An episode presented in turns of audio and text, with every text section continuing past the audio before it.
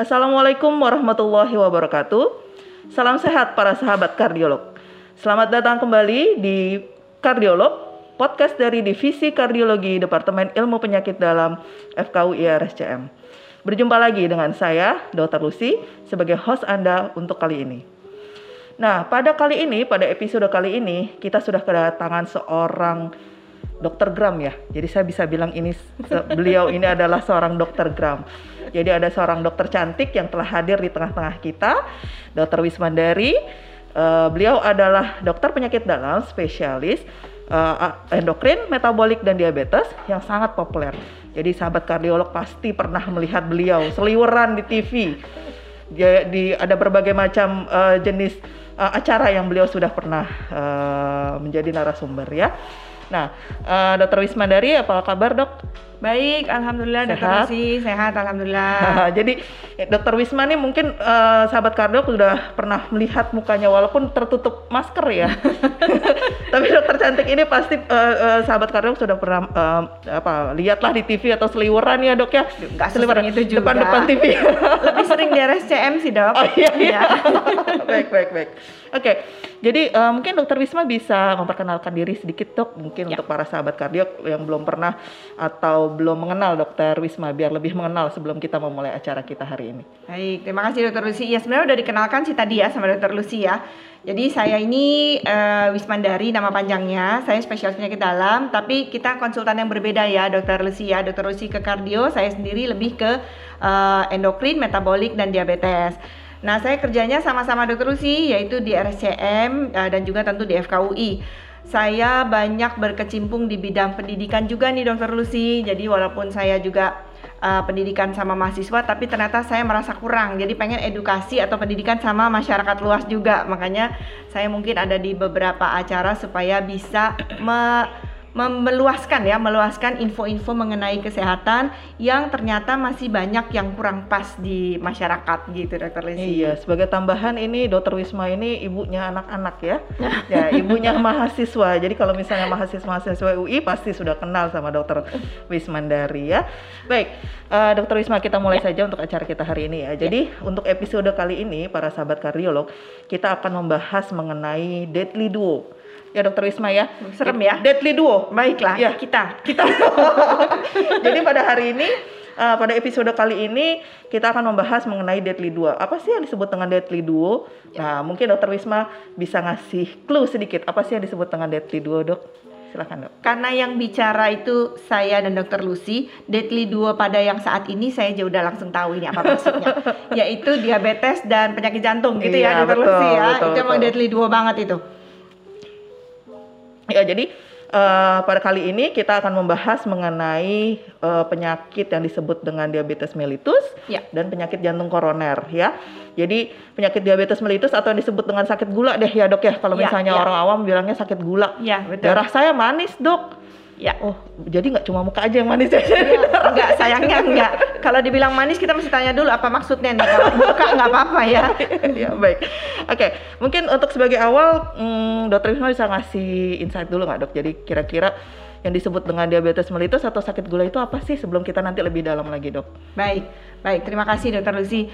Jadi kencing manis atau diabetes atau sakit gula itu sama semua sebenarnya ya. Jadi kalau anda sudah dibilangin sama dokternya, oh e, ibu nih kencing manis, nah itu maksudnya adalah diabetes mellitus. Sebenarnya ini e, suatu penyakit kronik nih dokter Lucy. Kita catat dulu kronik, artinya itu penyakit menahun. Hmm penyakit yang memang bukan sesaat terus sembuh kayak sakit tenggorokan gitu bukan ya. Ini penyakit kronik yang ditandai dengan adanya peningkatan kadar gula darah ya. Peningkatan kadar gula darahnya kita bisa lihat dari uh, beberapa beberapa parameter laboratorium. Misalnya dari gula darah puasa. Nah itu ada angkanya yaitu di atas 126 kemudian juga dari gula darah sewaktu atau dari gula darah habis makan itu di atas 200 ada juga menggunakan parameter laboratorium yang lebih agak susah ya, yaitu HbA1c. Hmm. Itu di atas enam setengah. Kemudian ada juga menggunakan tes tertentu, yaitu dengan menggunakan tes toleransi glukosa oral. Nah, semua itu intinya pokoknya kalau di atas angka yang sudah ditentukan cut off-nya, itu disebut sebagai diabetes gitu. Oke, baik. Jadi yang menderita diabetes itu bisa semua orang nggak dok? Maksudnya apa cuma Hmm. orang yang sudah berumur tua gitu, di atas Ya. 50 tahun atau mungkin eh, yang usia muda atau anak-anak bisa kena diabetes nggak dok? Ya, jadi kalau zaman dulu nih diabetes itu untuk usia-usia 60 ke atas gitu, yang udah sepuh-sepuh gitu ya. Tapi sekarang ternyata makin muda tuh yang terkena diabetes itu bahkan ada yang SD pun ada. Hmm. Kita bicara diabetes tipe 2 ya. Maaf, mungkin kita agak mundur sedikit boleh ya Dokter Usi boleh ya? boleh. silakan, Diabetes kita tuh ada empat, Hmm. ada empat tipe. Tipe pertama adalah diabetes tipe 1. Nah, itu tipe yang dari lahir. Jadi yang kena tuh dari kecil ya, dari anak-anak banget sampai dia dewasa ya namanya tipe 1. Dia tidak punya insulin. Jadi dari pertama kali itu diagnosis dia sudah menggunakan insulin dari luar. Kemudian yang kedua adalah diabetes tipe 2. Diabetes tipe 2 ini adalah diabetes yang punya insulin, tapi insulinnya nggak bisa kerja dengan baik. Nah, itu pada orang dewasa. Nah, yang kayak gini nih, yang paling banyak kan kayak gini, 90% tuh diabetes tipe 2 ya, Dok.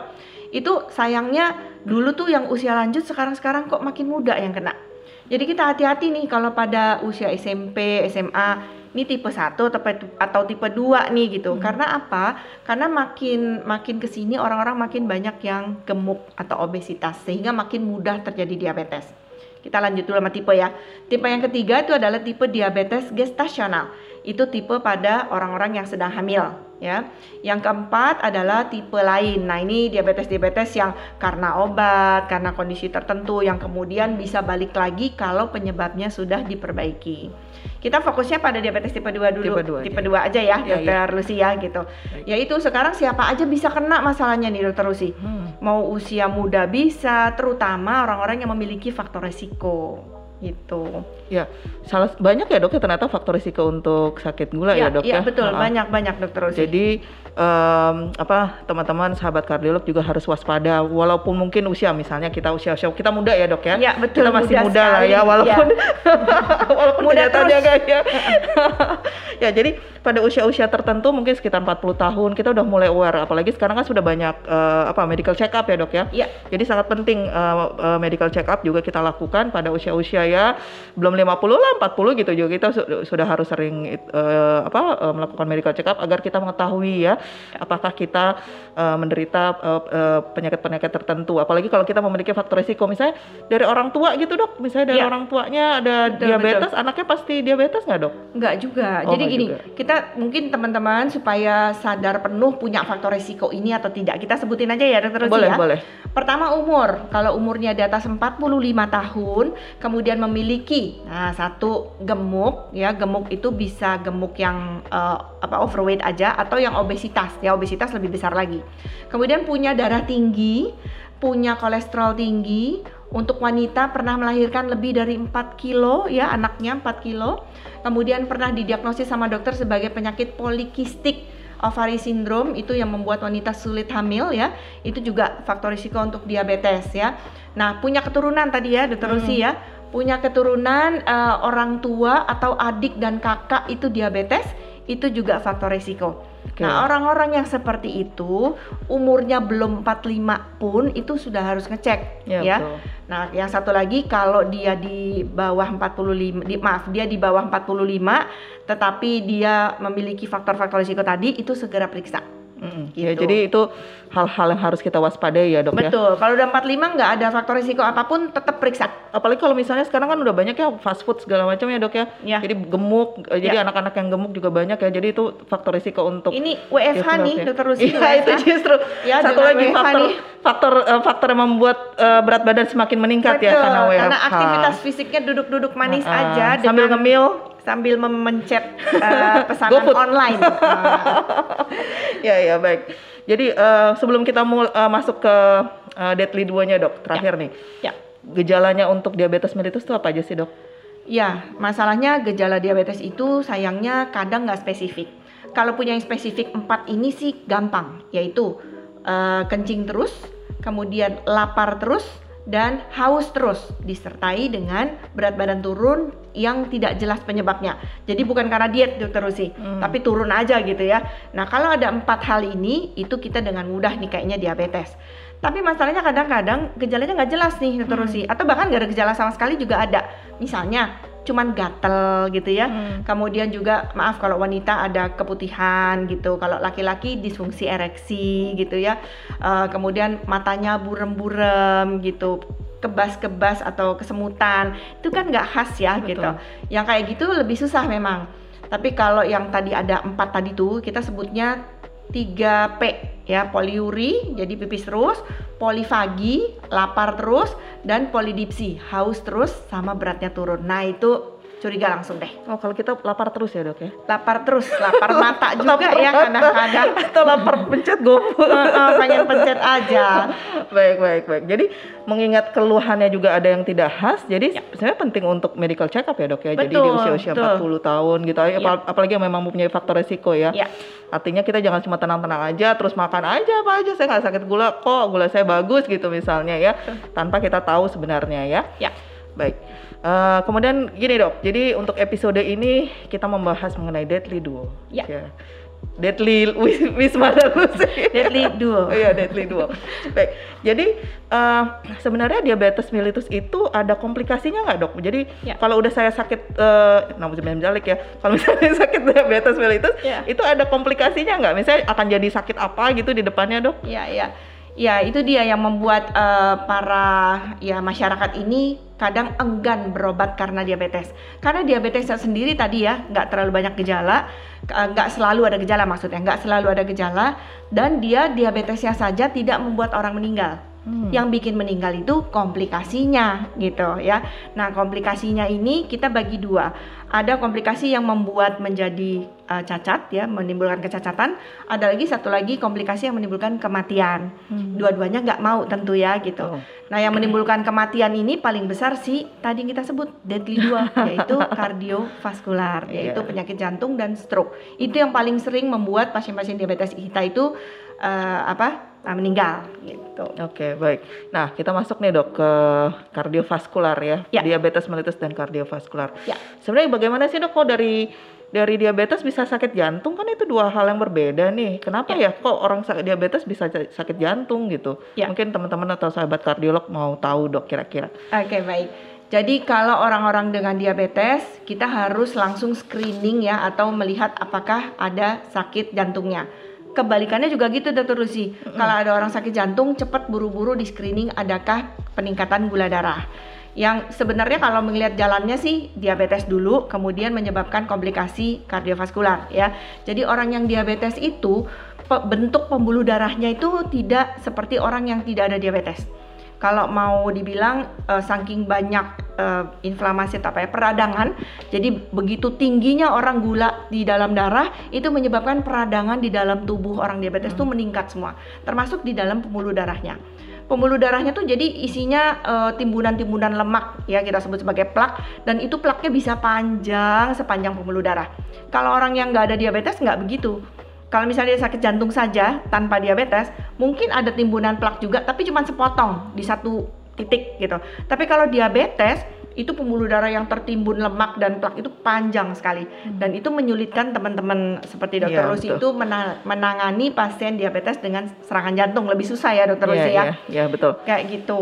Ya, jadi sebenarnya kalau misalnya eh, ada seseorang menderita Ya. eh, sakit gula atau diabetes mellitus, setelah itu berapa lama dok eh, bisa develop atau misalnya bisa menderita penyakit jantung? Apakah misalnya eh, ada seseorang usia 50 tahun gitu ya, Ya. eh, ketahuan nih baru ketahuan dok, saya eh, diabetes ternyata. Ya. Terus eh, udah dicek nih dok, ternyata nggak ada apa-apa gitu Ya. misalnya, oh eh, jantungnya masih dalam batas normal gitu. Kira-kira berapa lama lagi ke depan dok? Oke. bak- bakalan menderita sakit jantung gitu. Oke baik.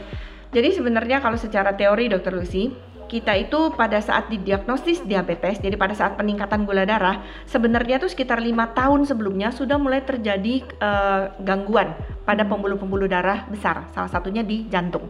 Sedangkan kalau pembuluh darah yang kecil-kecil itu mulai ada gangguan pada saat gula mulai naik seterusnya gitu. Jadi jangan salah, begitu gula naik tuh sebenarnya sebelumnya udah ada tuh, dokter Rusi. Udah mulai ada kelainan ya. Nah, kalau pembuluh darah kecil tuh misalnya di mata, di ginjal itu baru terjadi pada saat gulanya baru naik. Tapi itu secara teori ya. Tadi yang dokter Rusi bilang udah didiagnosis tapi ternyata eh, nggak ada kelainan jantung nih udah di screening sama dokter Lucy dan kawan-kawan aman gitu ya.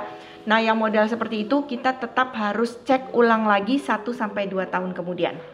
Paling tidak yang paling gampang mungkin EKG mungkin ya, dokter Hmm, Lucy ya. hmm. Itu harus diulang 1 sampai 2 tahun sekali gitu. Iya.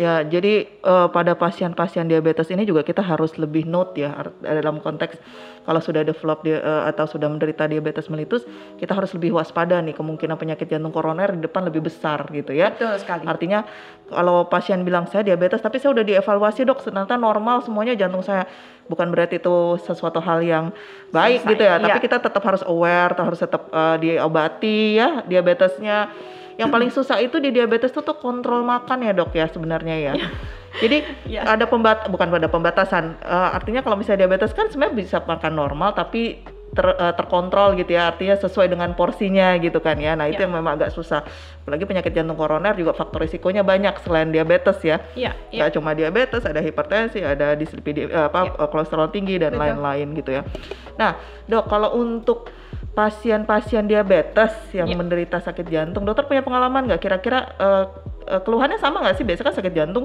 rasa nggak enak di dada nyeri dada gitu sesek gitu Ya. kira-kira sama nggak sih dok gejalanya pasien yang diabe- dengan diabetes Mhm. gitu Ya, ya itu juga merupakan suatu hal yang harus diketahui para kardiolog, sah- sahabat kardiolog ya.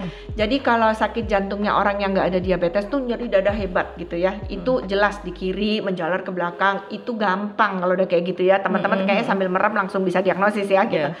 Masalahnya kalau diabetes lagi-lagi makanya diabetes ini spesial ya. Hmm. Ya, Keluhannya juga spesial. Spesialnya apa? Kadang nggak ada keluhan dokter Lucy Hmm. ya jadi kita bisa tiba-tiba ada pasien misalnya datang dengan eh, sesak nafas karena misalnya ada radang paru gitu ya tapi ternyata begitu ngeliat EKG-nya loh ini serangan jantung gitu karena gejalanya nggak khas bisa nyeri dada seperti orang yang bukan diabetes bisa juga cuman ngerasa mual aja bisa ngerasa sesaknya lebih dominan jadi ada beberapa gejala yang memang kita awalnya mungkin nggak akan nyangka bahwa itu eh, apa eh, serangan jantung gitu.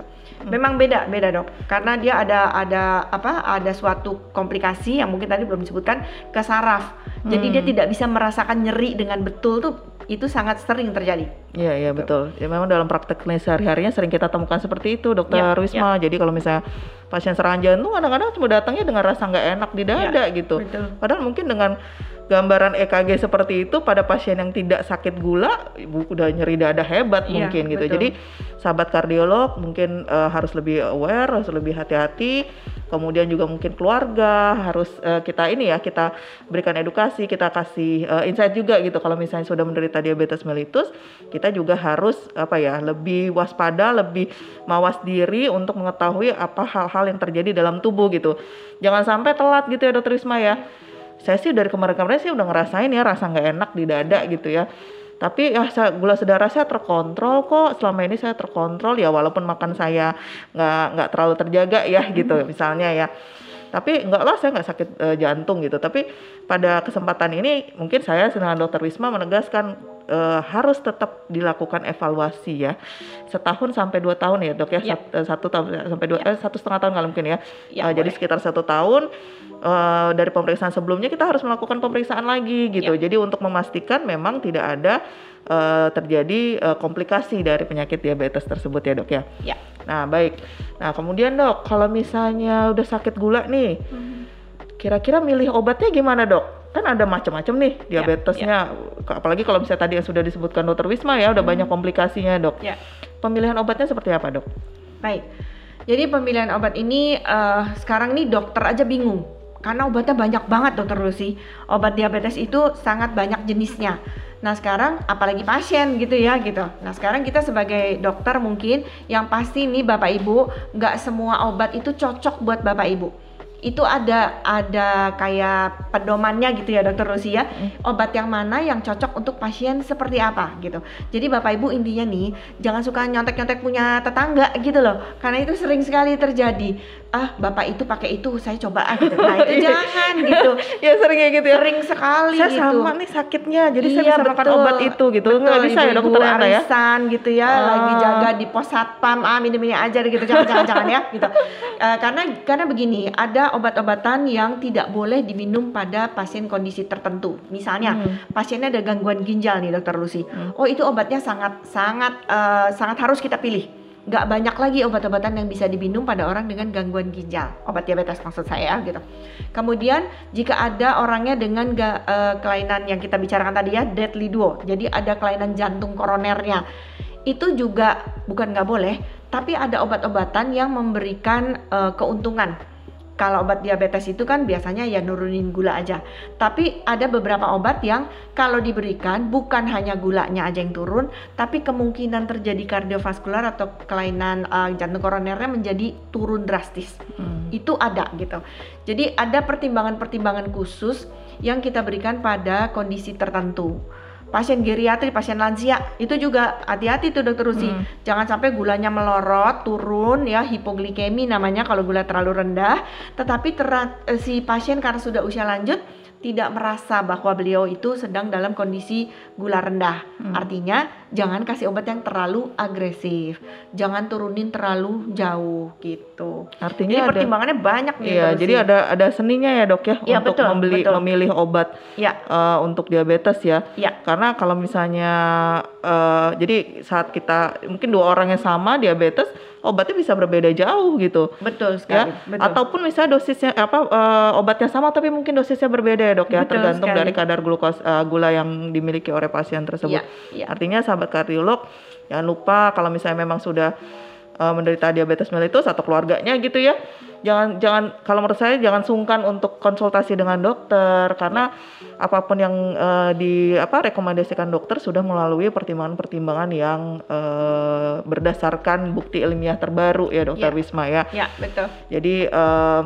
apa mungkin akan dilihat tuh nanti di screening dulu ya dokter Wisma ya. Ya. Jadi udah sakit gula dilihat dulu ada komplikasi-komplikasi apa, nanti pilihan obatnya apa. Jadi eh, ya kita sebutnya art ya dokter Wisma ya. Ya. Eh, seni untuk mengobati pasien. Jadi satu pasien atau dua pasien dengan dengan hal yang sama, penyakit yang sama mungkin akan mendapatkan obat yang berbeda atau dosis Ya. yang berbeda ya dok ya. Betul. Baik, Dokter Wisma. Ya. Nah, kalau misalnya ada pertanyaan nih, Dokter Wisma. Saya sudah menderita diabetes mellitus. Saya juga ternyata ada jantung koroner. Saya udah dipasang ring, Dok. Udah ada tiga. Nih ibu-ibu nih ceritanya. Kan sedih ya, Dok. Jadi dengan berbagai macam penyakit yang dimiliki. Hidup saya masih lama nggak, Dok? Atau tinggal sebentar lagi? Kalau nggak nanti saya eh, saya mesti bilang ke ke keluarga saya nih gitu. Kan ada ya Ya. eh, pasti pasien-pasien yang eh, khawatir gitu ya karena begitu banyak eh, penyakit yang dimiliki terutama katanya kan eh, diabetes ini apa penyakit yang menakutkan ya kena ke seluruh tubuh kan jadinya ya. Ya. Terus tambah lagi ternyata jantungnya juga udah dipasang ring gitu. Jadi dia makin takut gitu. Ya. Gimana, Dok? Baik. Eh, mungkin yang pertama harus dicatat para para pasien-pasien ini supaya ibu bapak ngerti juga bahwa ternyata dengan mengontrol gula saja itu tidak cukup untuk bisa melihat ya tadi ya hidupnya lama lagi apa enggak? Karena ya itu sebenarnya kita nggak bisa jawab juga Iya, ya dokter betul. Rosi ya gitu. Nomor satu itu kita nggak bisa jawab sebenarnya gitu. Tapi kalau secara keilmuan dari bukti-bukti ilmiah menunjukkan bahwa semakin terkontrol semakin kecil kemungkinan dia me- mendapatkan angka komplikasi yang lebih jelek gitu ya. Angka kematiannya juga lebih kecil gitu. Itu secara teori. Tetapi tidak bisa dipungkiri bahwa kalau misalnya pasien kita punya dua pasien nih. Saya beberapa kali contoh seperti ini jadi membuat saya juga kesulitan dalam mengedukasi. Ada sebuah eh, sepasang suami istri nih dokter Rusi ya. Jadi yang bapak ini gulanya bagus banget gitu ya. Gulanya bagus, obatnya cuma satu macam, murah pula, generik gitu ya. Bagus sekali. Tapi bapak ini kena stroke. Hmm. Dua kali stroke, satu kali serangan jantung dan akhirnya mohon maaf beliau ber- eh, berpulang duluan. Sedangkan si ibu, si ibu ini menggunakan insulin, insulinnya sudah sampai beberapa macam. Kemudian ngontrolnya juga saya rada lebih sulit jauh dibanding si bapak. Tapi ya alhamdulillah si ibu ini nggak kena komplikasi apa-apa Hmm. ya itu ada satu data yang seperti itu maksudnya supaya nanti jangan bingung juga jangan sedih juga gitu Iya, iya. eh, kalau kok bisa ada kondisi seperti itu karena ada kondisi genetik juga dokter Lucy yang mempengaruhi kondisi apa ya nyebutnya kalau saya nyebutnya itu kayak bahasa ininya nasib ya Hmm. polymorphism genetik kalau bahasa kitanya tapi kalau bahasa itunya ada ada sesuatu yang tidak bisa kita jelaskan gitu dokter Lucy Hmm. walaupun sudah terkontrol tapi ternyata tetap terkena komplikasi Tapi jangan sedih kalau kayak gitu Bapak Ibu, ya terkontrol bisa terkena komplikasi, apalagi kalau nggak terkontrol. Hmm, ya, betul, ya dok. gitu ya. Jadi kalau ditanya berapa lama lagi ya tentunya makin banyak komplikasinya, kemungkinan untuk ke arah eh, apa kecacatan maupun kematian memang lebih besar. Tetapi ternyata banyak juga orang yang sudah komplikasi macam-macam masih bisa bertahan gitu. Intinya adalah kontrol sebaik mungkin, bukan gulanya aja Dokter Lucy. Tadi Dokter Lucy sebut mereka satu paket ya, gula darah, eh, tekanan darah dan juga kolesterolnya. Tiga itu dikontrol bareng-bareng sehingga eh, apa pun ke depannya diusahakan supaya kita dokter nih supaya komplikasinya tidak terjadi atau paling tidak lebih pelan lah jalannya. Gitu. Oke, baik dok. Mungkin terakhir nih dok, eh, sebelum sebelum em, penutup ya dok ya, Ya. karena kelihatannya sudah cukup banyak yang kita bahas pada hari ini. Baik.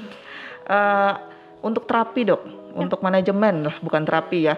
Sebenarnya kan ada orang yang cuma bilang kasih obat aja lah gitu. Hmm. Makan boleh sembarang. Saya kan gula saya udah turun, Ya. gula saya udah normal, jadi saya boleh dong eh, eh, makan semau gue gitu, maksudnya ya, semau ya. gue gitu. Ya. Kira-kira gimana dok? Maksudnya apalagi tadi yang sempat dokter katakan ternyata ada juga ya pola-pola pasien seperti itu yang sudah terkontrol, tapi mungkin ada faktor yang lain gitu yang menyebabkan faktor risiko atau komplikasinya justru eh, eh, lebih lebih berat dibandingkan Ya. yang lain gitu. Ya. Mungkin ini yang terakhir dok, silakan dok. Baik, terima kasih.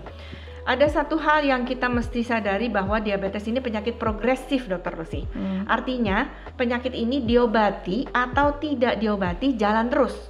Ya. Hmm. Jadi kalau kita minum obat bukan berarti dia berhenti di tempat terus tadi boleh makan apa aja, tetap jalan penyakitnya. Hmm. Cuman kalau diobati dengan baik, jalannya pakai jalur lambat. Kena komplikasinya lebih Iya, lama gitu. Iya. Tapi kalau nggak diobatin dia lewat jalur cepat, lebih cepat Lewat kena tol ya. komplikasi gitu lewat tol benar dong gitu ya.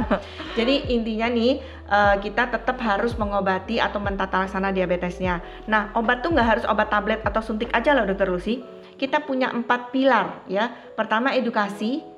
Ini yang kita lakukan sekarang Mhm. itu bagian dari terapi tuh dokter Lucy. Kalau nggak ngerti soalnya mau ngobatin apa nih pasiennya nggak ngerti gitu ya.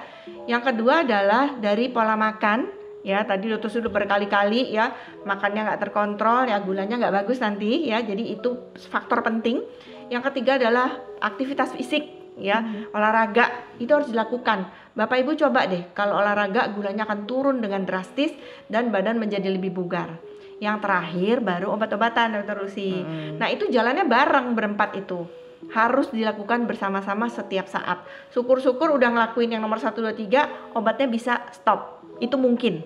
Iya. tapi yang 1, 2, 3 jangan berhenti Jadi sebenarnya kalau misalnya udah sakit gula tuh hidupnya jadi lebih lebih sehat ya dok? Karena Betul. dikontrol ya. tapi orang tuh gitu kalau udah dicolek ditegor baru olah- baru Iya, hidup iya, sehat iya, iya. gitu susahnya itu Jadi sebenarnya prinsipnya sebenarnya preventif ya. Kalau misalnya bisa kita kalau bisa cegah, preventif lebih bagus terutama lagi. untuk yang eh, diabetes tipe 2 ya dok ya dengan Iya. berbagai macam faktor resiko. Kalau bisa kita cegah akan lebih baik lagi gitu ya. Tapi kalau misalnya Sangat. sudah menderita, ya berarti hidup sehat lah salah satu eh, salah satu kuncinya ya dok ya. Ya, Menjalani hidup yang sehat. nggak menderita kok dokter Lucy Oh iya, menderita menyandang ya. oh, nggak Oh, iya, iya.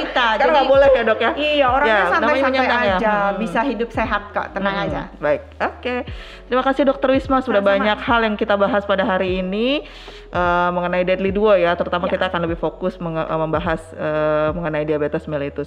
Nah mungkin ada apa hal-hal yang perlu disampaikan eh, ke sahabat kardiolog Dokter Wisma? Baik. Terima kasih Dokter Lucy, Hmm. terima kasih sudah diundang sini. Jadi Bapak Ibu mengenai diabetes ini, ini adalah suatu penyakit kronik. Akan sangat baik jika Bapak Ibu bisa mencegah eh, terdiagnosis sebagai diabetes ya, dicegah jangan sampai kena. Tetapi kalau sudah terkena diabetes, itu pun tidak apa-apa Bapak Ibu, masih bisa ditangani dengan baik dan Bapak Ibu masih bisa hidup sehat.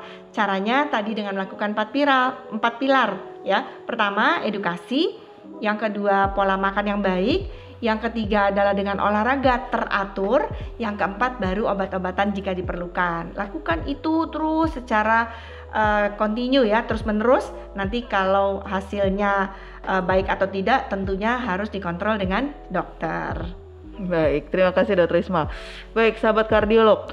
Eh, saya rasa episode kali ini sangat menarik ya. Jadi banyak hal yang bisa kita dapatkan, baik itu mengenai diabetes, mulai dari definisinya, dari tipenya, gejalanya, faktor risiko ya Dokter Wisma, dan bagaimana dihubungkan dengan eh, komplikasinya, terutama yang disebut dengan deadly duo. Deadly Lucy dan Wisma. Jadi uh, pada pada prinsipnya seperti yang sudah dikatakan Dokter Wisma, pencegahan sangat penting. Tapi kalau misalnya sudah uh, uh, mengalami uh, diabetes mellitus, kita harus mengupayakan segala macam usaha untuk mencegah progresivitas dari penyakit. Begitu ya Dokter Wisma ya. ya setuju, Artinya dokter. jangan takut uh, tetap harus bisa berusaha atau berikhtiar uh, ya dokter Wisma ya untuk mengontrol penyakit-penyakit yang dialami dan tentunya semua ikhtiar itu pasti akan membuahkan hasil yang baik insya Allah. Amin. Baik, terima kasih dokter Wisma sebagai narasumber uh, kita hari ini dan senang sekali uh, sahabat kardiolog uh, di podcast kardiolog ini bisa kedatangan dokter uh, Wisma. Semoga nanti di ke depannya ada kesempatan lagi ya dokter Wisma kita bisa ngobrol-ngobrol lagi uh, mungkin mengenai tipe uh, apa uh, penyakit-penyakit yang lain lagi ya, Dokter Wisma. Siap, Jadi jangan lupa dokter uh, para uh, sahabat kardiolog untuk tetap stay tune di podcast ini dan uh, semoga apa yang kami sampaikan dapat memberikan manfaat kepada uh, sahabat kardiolog. Sampai jumpa di episode berikutnya. Terima kasih. Uh, Assalamualaikum warahmatullahi wabarakatuh. Waalaikumsalam warahmatullahi wabarakatuh.